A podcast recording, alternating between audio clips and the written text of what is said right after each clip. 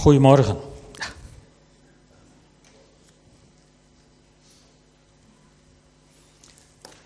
Ja, ik wil het vandaag op deze eerste dag van het nieuwe jaar met jullie hebben over het baanbrekende koninkrijk. En uh, we doen dat aan de hand van Matthäus 11, vers 2 tot 15. Matthäus 11, vers 2 tot 15. Er staat, toen Johannes in de gevangenis over het optreden van de Messias hoorde, stuurde hij enkele van zijn leerlingen naar hem toe met de vraag, bent u degene die komen zou, of moeten we een ander verwachten? Jezus antwoordde, zeg tegen Johannes wat jullie horen en zien. Blinden kunnen weer zien, lammen weer lopen, mensen met huidvraat worden gereinigd en doven kunnen weer horen. Doden worden opgewekt en aan armen wordt het goede nieuws bekendgemaakt. Gelukkig is degene die aan mij geen aanstoot neemt. Toen ze weer vertrokken, begon Jezus de mensen over Johannes te spreken. Waar zijn jullie in de woestijn naar gaan kijken? Naar het wuiven van het riet in de wind? Wat zijn jullie dan gaan zien? Een mens die rijk gekleed ging? Wel nee, wie rijk gekleed is, verkeert in koninklijke kringen. Maar wat zijn jullie dan wel gaan zien? Een profeet? Jazeker, zeg ik jullie, en zelfs meer dan een profeet. Hij is degene over wie geschreven staat: Let op, ik zend mijn bode voor je uit, hij zal een weg voor je banen. Ik verzeker jullie, er is onder allen die uit een vrouw geboren zijn, nooit iemand opgetreden die groter was dan Johannes de Doper. Maar in het koninkrijk van de hemel is de kleinste nog groter dan hij. Sinds de dagen van Johannes de Doper wordt het koninkrijk van de hemel door geweld bedreigd en proberen sommigen er zelfs met geweld beslag op te leggen.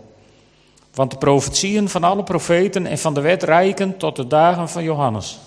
En voor wie het wil aannemen, hij is de Elia die komen zou. Laat wie oren heeft, goed luisteren. En dan is het uh, belangrijkste vers vandaag is vers 12. Sinds de dagen van Johannes de Doper wordt het koninkrijk van de hemel door geweld bedreigd en proberen sommigen er met geweld beslag op te leggen. Deze tekst die valt, zoals ik het hier al heb laten zien, uiteen in drie stukjes. Het gaat over de tijd. Ik wil wat zeggen over het koninkrijk. En ik wil wat zeggen over die geweldenaars. Nou, over de tijd is iedere vertaler, als je verschillende Bijbelvertalingen naast elkaar legt, en dat wil ik vanmorgen doen, over de tijd zijn alle vertalers het wel eens. Jezus houdt hier een toespraak en daarin vertelt hij wat er gebeurt sinds de tijd van Johannes de Doper. En Johannes die zit in de gevangenis en die vraagt zich af of hij zich niet vergist heeft. Een echte gelovige dus. En uh, hij stuurt zijn leerlingen naar Jezus om zekerheid te vinden. En die zekerheid krijgt hij niet in woorden, maar in het betoon van kracht. Net zoals Paulus zegt in 1 Korinthe 2, vers 4. Mijn spreken en mijn prediking bestonden niet in overtuigende woorden van menselijke wijsheid, maar in het betonen van geest en kracht. Dit is als ware het antwoord wat Johannes meekrijgt, of wat de discipelen van Johannes meekrijgen van Jezus. En daar moet Johannes het mee doen. En toen ik het las, toen vroeg ik me af, stel je nou eens voor dat Johannes in zijn vertwijfeling zijn discipelen naar ons gestuurd zou hebben, vandaag in deze kerkdienst. Met wat voor verhaal zouden we ze dan teruggestuurd moeten hebben? Met geen woord, in ieder geval, waarmee de leerlingen nu terug konden naar Johannes. Het zou een heel ander antwoord gevraagd zijn. En, en deze vraag doet me denken aan een verhaaltje wat als grap bedoeld was, maar eigenlijk tot een soort christelijke wanhoop zou moeten leiden. En misschien ken je dat verhaaltje wel. Er liepen twee priesters door het Vaticaan. En op een gegeven moment zegt de ene tegen de andere: Heb je al die pracht en al die schoonheid hier wel gezien? Wij hoeven niet meer tegen iemand te zeggen: Zilver en goud heb ik niet. Nee, zei die andere priester. En sta op en wandel hoeven we ook niet meer te zeggen. En dat geeft een beetje aan waar de kerk is beland. En ik vond hem helemaal niet zo grappig.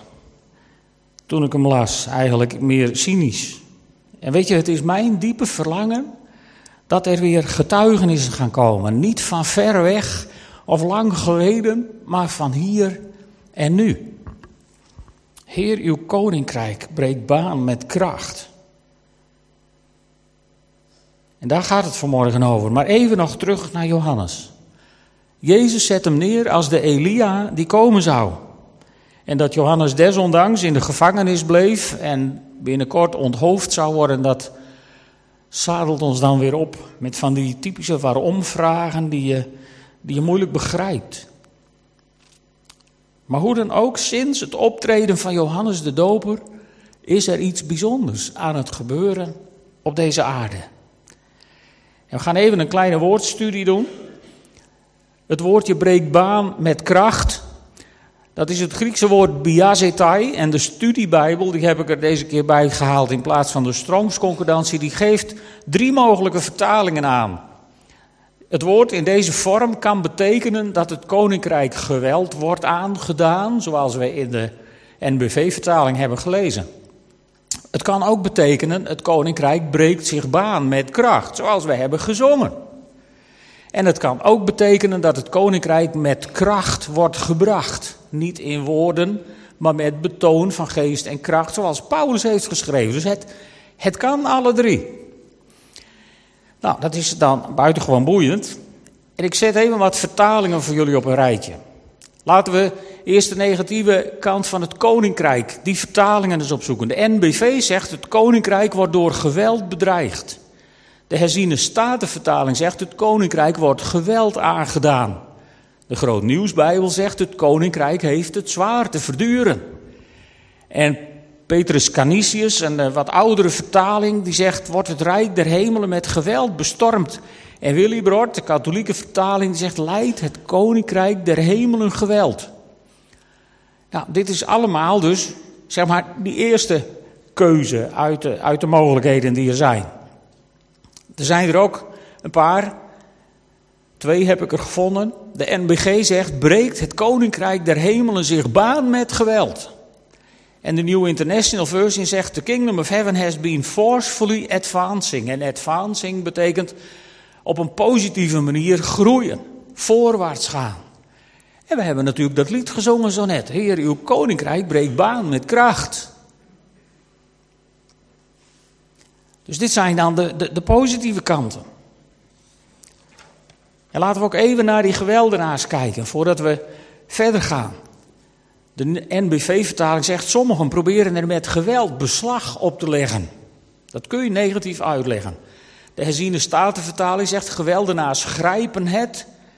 Groot Nieuwsbijbel zegt: geweldige machten proberen het in hun greep te krijgen. En Petrus Canisius zei, bestormers nemen het weg. Die was nog een slag negatiever. En de Willibrord vertaling, geweldenaars lopen het onder de voet. Heel bijzonder. Maar ook hier zijn natuurlijk die positieve. De NBV-vertaling met geweld beslag opleggen, dat kun je ook heel positief uitleggen. Daar kom ik straks even op terug. De herziene statenvertaling kun je ook positief uitleggen. De NBG-vertaling, geweldenaars grijpen ernaar en de New International Version zegt, and forceful men lay hold of it. En lay hold of it betekent niet dat je het wegneemt, maar dat je het in bezit neemt. Dat je het, dat, dat, dat je, het je eigen maakt. Nou, even een aantal vertalingen zomaar op een rijtje.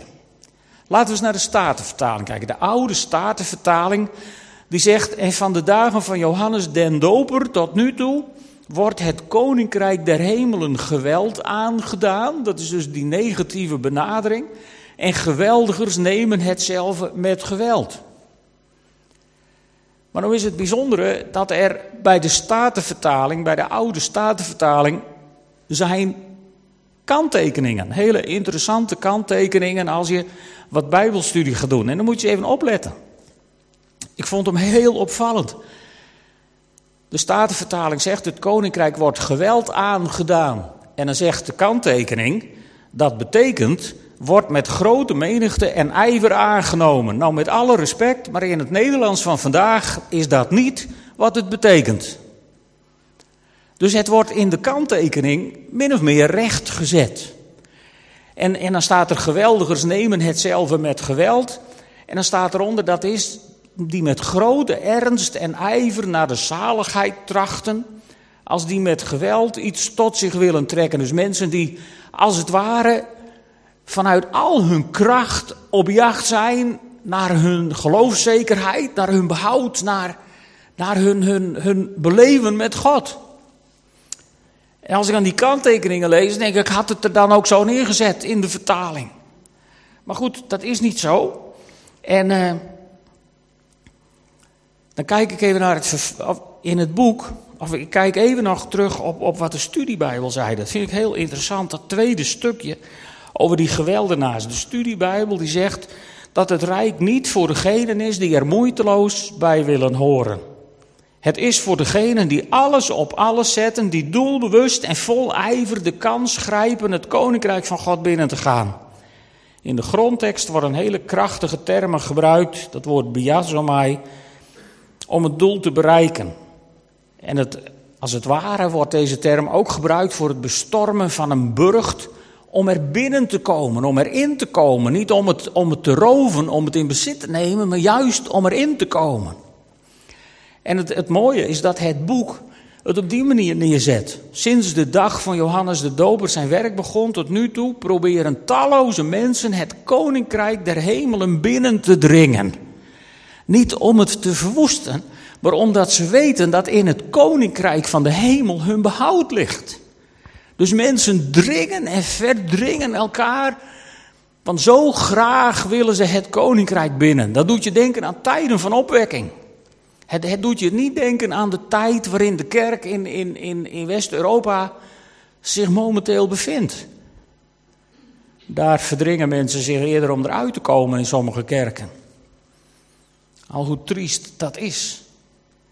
En weet je, dit, dit, dit, dit brengt mij dan bij dat positieve stukje van die geweldenaars. Ze grijpen en haar forceful men lay hold of it.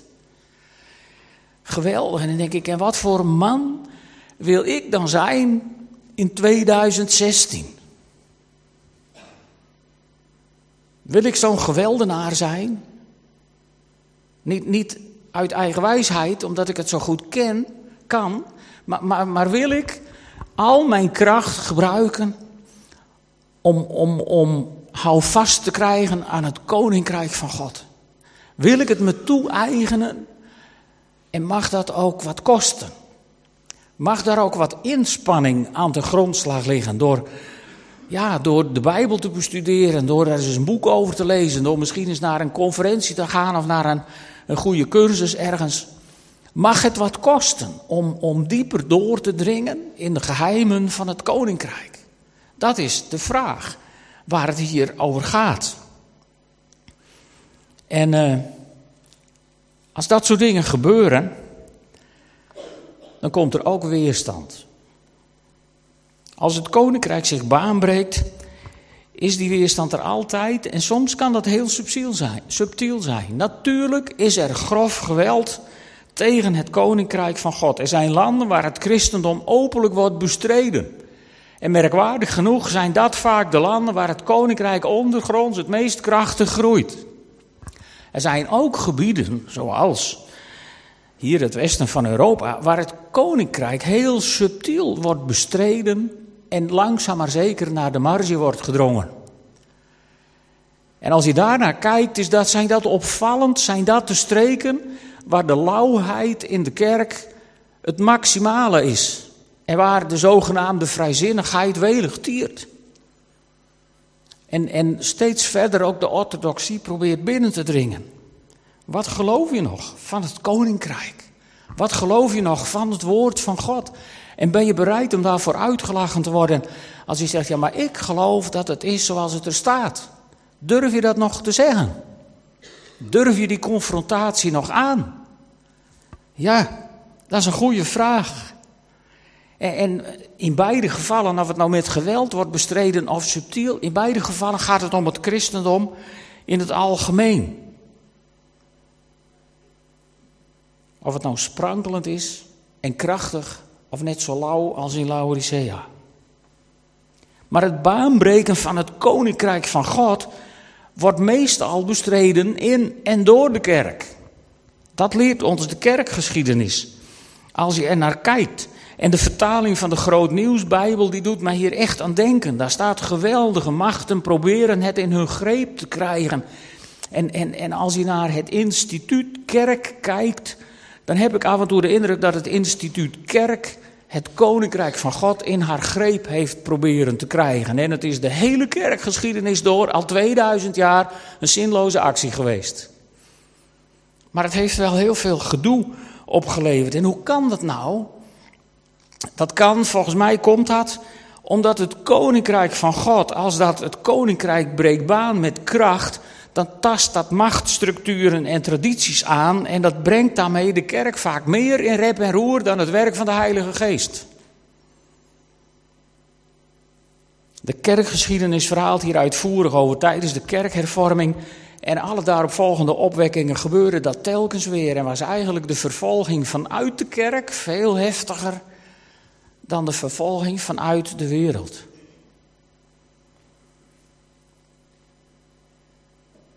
Het brengt zelfs spanning in families, zoals sommigen van ons zelf hebben ervaren en nog misschien wel ervaren. En weet je, in de tijd van Jezus was het niet anders. Hij was nog maar twaalf jaar toen het al begon. Jozef en Maria, die dachten dat hij na een bezoek aan Jeruzalem met hen op weg was naar huis. Maar hij was net thuis. In het huis van zijn vader. Voor het eerst van zijn leven. En daar was hij niet meer weg te slaan. En het is eigenlijk opvallend dat dat net de plek was waar ze hem niet zochten. Pas na drie dagen vinden ze Jezus in de tempel. En, en, en dan, zeg, dan, dan, dat staat hier waar hij tussen de leraren zat, terwijl hij naar hen luisterde en hun vragen stelde. En allen die hem hoorden stonden versteld van zijn inzicht en zijn antwoorden. Met andere woorden, hij was thuis gekomen in het huis van de Vader. En dan vindt Maria hem daar en, en, en die zegt tegen hem, kind, wat heb je ons aangedaan? Je vader en ik hebben met angst in het hart naar je gezocht. Maar hij zei tegen hen, waarom heb je naar me gezocht? Wist je niet dat ik in het huis van mijn vader moet zijn? Maar ze begrepen niet wat hij tegen hen zei. Weet je, ik, ik denk dat heel veel gedoe in de kerk tegen het baanbreken van het koninkrijk, tegen vernieuwingen, tegen het werk van de Heilige Geest, dat is niet omdat mensen tegen het baanbreken van het koninkrijk zijn, maar omdat ze net als Jozef en Maria niet begrijpen wat er gebeurt. En net als in het verhaal over Jezus in de tempel denken mensen die niet begrijpen vaak dat hun iets wordt aangedaan of iets wordt afgepakt. En ik ben zelf geen haar beter hoor. Op het moment dat er in de vorm van de dienst iets radicaal wordt veranderd, is er in mijn hart ook een beetje onrust. Ja, maar ik vind het allemaal zo leuk zoals we het nou doen. En moet het nou anders? En waar is het nou goed voor? En kan het niet, uh, kunnen we het niet laten zoals het is? Want dat vind ik leuk. En, en dat is ook mijn veiligheidsfactor. Die, die wordt bedreigd als er, als er dingen worden veranderd. En toch, weet je, als God wil dat er dingen worden veranderd, dan, dan, dan gaat dat gebeuren. Of je het nou wilt of niet. En het is veel leuker om daaraan mee te doen dan om je daar alsmaar tegen te verzetten. Maar goed, soms kan het zo bedreigend voelen. En het zijn dus niet alleen de tegenstanders van het koninkrijk die proberen om tegen te houden. Het zijn vaak ook vaders en moeders, broers en zusters die het niet begrijpen. Denk maar aan situaties waarin je, waarin je uit een traditionele kerk komt en je komt in een evangelische gezelschap. En, je begint na te denken over gedoopt te worden. Oh, dan kan familie, kan soms zo'n zo'n muur zijn. Ik weet waar ik over praat hoor. Dan kan familie soms zo'n muur, de hoogste drempel zijn om overheen te komen. Het, het, het, het, het kan je zo, zo als een blok aan je been, kan het je tegenhouden. En sowieso, als je, er, als je erop wordt aangesproken dat het, dat de doop heel belangrijk is, een hele belangrijke stap, dan, dan komt er van alles in het geweer, heel merkwaardig. Je kunt elke verandering in de kerk doorvoeren zonder dat er gedoe van komt. Maar op het moment dat iemand zich wil laten dopen, komt er altijd gedoe. Ik vind dat heel, heel bijzonder, ik vind het een heel merkwaardig fenomeen. Maar voor mij geeft dat aan hoezeer de tegenstander van God in actie komt voor deze cruciale, belangrijke stap. Maar goed, die weerstand, die is er dus. En uh, mensen denken soms dan dat je je verstand verliest. En dan gaan ze hun uiterste best doen om je weer in het kerkelijke gereel te brengen. Ook dat is zo oud als het evangelie. Kijk maar eens, in Marcus 3. Daar staat, dit gaat over Jezus. Hè. Jezus was overal bezig en die preekte en die veroorzaakte overal gedoe. Want die kreeg in elke synagoge waar hij kwam, kreeg hij ruzie. Omdat hij zieken genaas op de Sabbat wat niet mocht en andere dingen deed. En, en, en hij stond eeuwig en altijd stond hij de gevestigde orde op hun tenen. En, en, en hij, hij, ja, hij bracht gewoon onrust in de kerk. Hij verstoorde het rustige, gesapige. Zo van nou laten we niet moeilijk doen, laten we vooral lekker rustig, gezellig, warm, met mooi licht bij elkaar zitten en goede koffie hebben afloop. Nou, Jezus, waar Jezus kwam, daar verstoorde dat geheel. En eh, toen zijn familie daarvan hoorde, gingen ze op weg om hem desnoods onder dwang, staat hier, mee te nemen naar huis, want volgens hen had hij zijn verstand verloren. Dus als ze dat over jou denken, ben je in heel goed gezelschap. Daar mag je je over verheugen. Want dan word je op één lijn gezet met Jezus. En dan staat er, tien versen verder, intussen waren zijn moeder en zijn broers aangekomen. En Jezus was binnen ergens met een bijbelstudie of zo bezig. En dan sturen ze iemand naar binnen. Ze gaan niet zelf, hè, maar ze sturen iemand naar binnen om hem te halen. En zelf bleven ze buiten wachten. En dan staat er, er zat een groot aantal mensen om Jezus heen. En die zeiden tegen hem, uw moeder en uw broer staan buiten en zoeken u. Nou, in de traditie van toen was het dan, eigenlijk was er maar één manier. En dat was als een haas maken dat je buiten kwam en bij je familie kwam. Het was not dan om daar niet op te reageren. Dat paste niet in die traditie. Tegenwoordig zouden wij misschien zeggen van nou, waar bemoeien ze zich mee? Ik red mezelf wel. Het is de vraag of dat helemaal een goede houding is om door het leven te komen. Maar toen was het absoluut hoogst onfatsoenlijk. Het getuigde van totaal gebrek aan eerbied voor je voorgeslacht. Dat je hier niet op inging. En Jezus antwoordde: Wie zijn mijn moeder en mijn broers? En hij keek de mensen aan die in een kring met mij zaten. En hij zei: Jullie zijn mijn moeder en mijn broers. Want iedereen die de wil van God doet, die zijn mijn broers, zuster en moeder. Wauw. Oh, dit was nou nog eens een opmerking om rep roer te veroorzaken. Maar zo ging het. Dus ook Jezus werd al op de huid gezeten om het anders te doen. Maar ook die categorie, moeder, broers en zusters en whatever, zal het baanbreken van het koninkrijk niet kunnen keren. Dat is de clue van de boodschap van vandaag. Er staat, het koninkrijk breekt zich baan met geweld en het is forcefully advancing. Met andere woorden, het maakt vorderingen. Advancing betekent dat het vorderingen maakt. Nou, dat is wat er gebeurt sinds de tijd van Johannes. Is het onmiskenbaar in de wereldgeschiedenis zichtbaar dat dit gebeurt. En, en in de Bijbel in gewone taal, daar staat, daar staat het zo. Zij proberen de nieuwe wereld koninkrijk van God. Beetje apart, maar zij proberen de nieuwe wereld met geweld tegen te houden. Maar zodra hij met zijn werk begon, zijn er vijanden tegen hem in actie gekomen.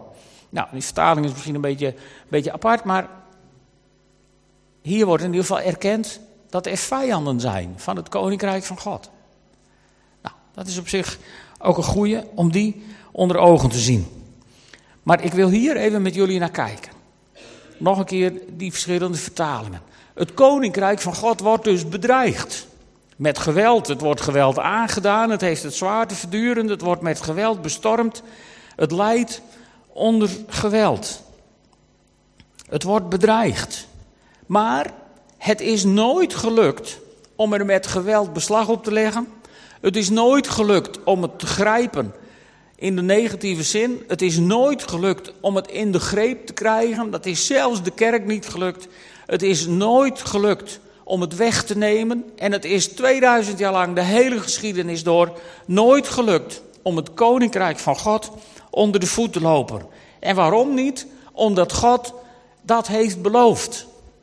Op een dag, jullie kennen misschien dit verhaal ook wel, op een dag vraagt Jezus aan zijn discipelen, wie zeggen de mensen dat ik ben? Dan komen er een hele hoop verhalen. En dan wordt het ineens heel akelig persoonlijk. En dan zegt hij, en, en wie vind jij nou dat ik ben? En dan komt Petrus met dat geweldige antwoord, u bent de Christus, de Zoon van de levende God. En dan zegt Jezus, dat heeft mijn Vader in de hemel je geopenbaard, heb je niet zelf bedacht.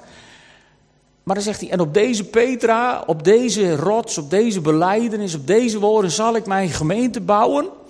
En de poorten van het dodenrijk zullen haar niet overweldigen. Eigenlijk staat er, de poorten van de hel zullen haar niet overweldigen. Met andere woorden, wat Satan ook probeert tegen het koninkrijk van God, wat zich baanbreekt in deze wereld, dat is een kansloze missie vanaf dag één.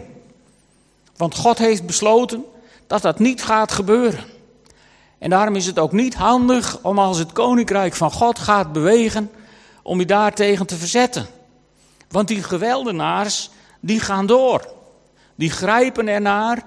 Die forceful men lay hold of it. Ja, wauw, dat is heel bijzonder. En, uh, en hoe doen ze dat dan? Nou, dat doen ze als volgt. Want dit zijn de mensen die, net als Paulus, niet tevreden zijn met de status quo van een lauwe, krachteloos geworden kerk. Die niet meer van God verwachten en zich daarnaar uitstrekken.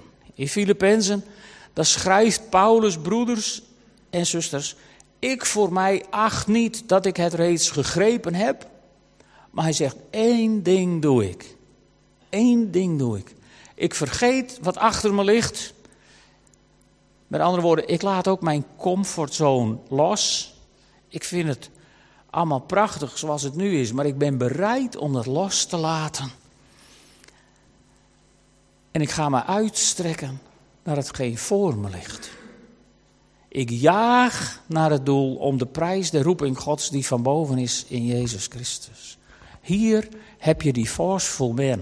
Hier heb je die, die geweldenaar die probeert om er de hand op te leggen, zodat hij, zodat hij deel heeft, binnenkomt in, de, in het koninkrijk van God. Ik jaag naar het doel. En dan sta je zo op de eerste zondag van het nieuwe jaar. Ik heb een. Oh, die staat hier wel gevaarlijk. Uh, ik, ik jaag naar het doel. Ik, ik heb de afgelopen dagen op de televisie een paar keer, zelfs in een televisiereclame geloof ik, gezien waarin je wordt aangemoedigd om te besluiten wat je allemaal zult in 2016. Op oudejaarsavond heb ik gepreekt over Anno Domini, weet u nog? Anno Domini, het jaar van onze Heer 2016. Dus het gaat niet om wat ik allemaal zal in 2016. Ik moet eerst de genade van God nog maar eens ontvangen om het eind van 2016 in goede gezondheid te halen. Het gaat mij er veel meer om van wat wil God nou in 2016 met Open Thuis, met Drachten, met Nederland. Wat zou God willen? En ik heb me dat echt de afgelopen dagen tijdens de jaarwisseling, ook natuurlijk omdat je met zo'n voorbereiding bezig bent, telkens weer afgevraagd: wat zou God nou willen? Zou God nou werkelijk een gat in de lucht springen als hij kijkt naar de kerk van vandaag zoals hij hier, hier is? Zou God nou werkelijk, als de discipelen van Johannes de Doper nou straks terug zouden moeten naar Johannes, die in zijn vertwijfeling in de gevangenis zat: van heb ik me nou vergist of heb ik het goed? Wat zouden ze dan na deze open thuisdienst vandaag aan Johannes te vertellen hebben? Nou, de koffie was lekker. Eh, de kerk was lekker warm. Goede stoelen. Zit prima. Veel woorden in een preek. Maar ja, nee, nee. Er is eigenlijk niemand genezen. Veel bijzonders heb ik niet gezien, denk ik. Maar goed, dan wil ik jullie niet met een heel pessimistisch gevoel het nieuwe jaar injagen. Dus, dus misschien moet ik toch nog iets, iets met jullie delen.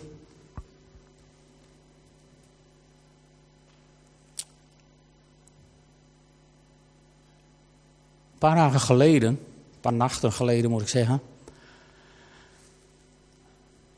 was ik bezig met deze preek. S'nachts, ik was even wakker geweest en ik had daarover nagedacht. En toen ben ik weer in slaap gevallen. En toen droomde ik dat ik gewoon aan, aan een heel groot strand was.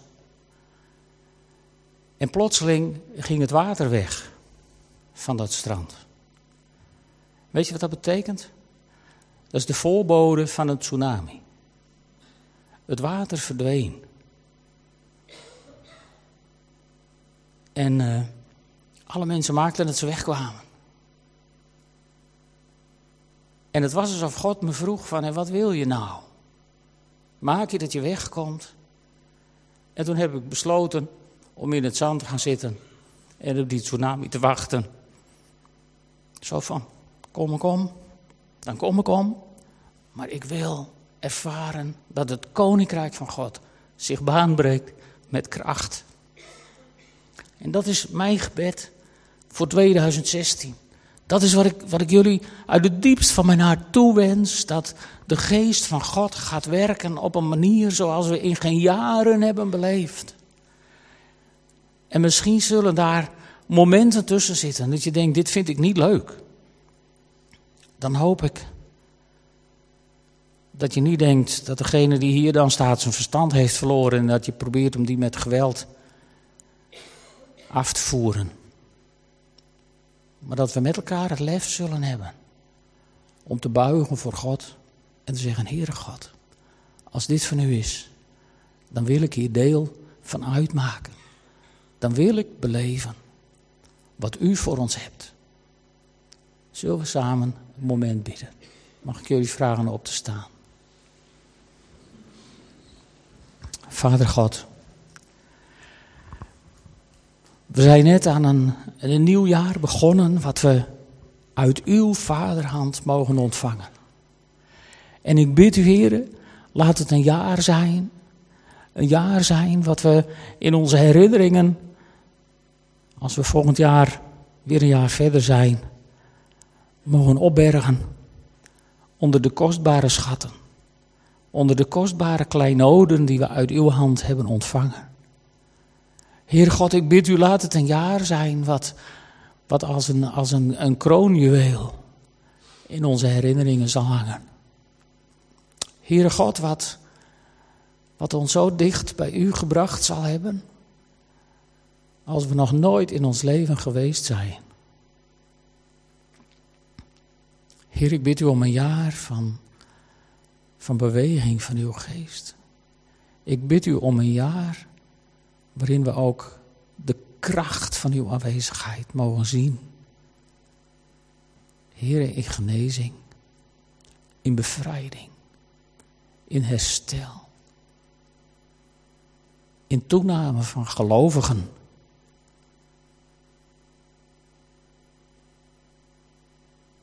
misschien heb je zelf ook verlangens op je hart.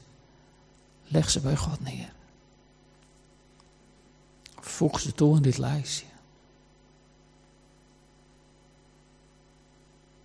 Heere God, en waar we lauw zijn geworden,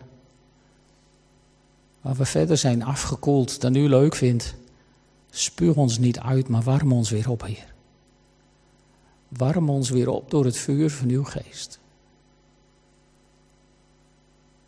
Halleluja. Heer, laat uw koninkrijk baanbreken met kracht. Dat bid ik van u. In de naam van Jezus Christus, onze Heer. Amen.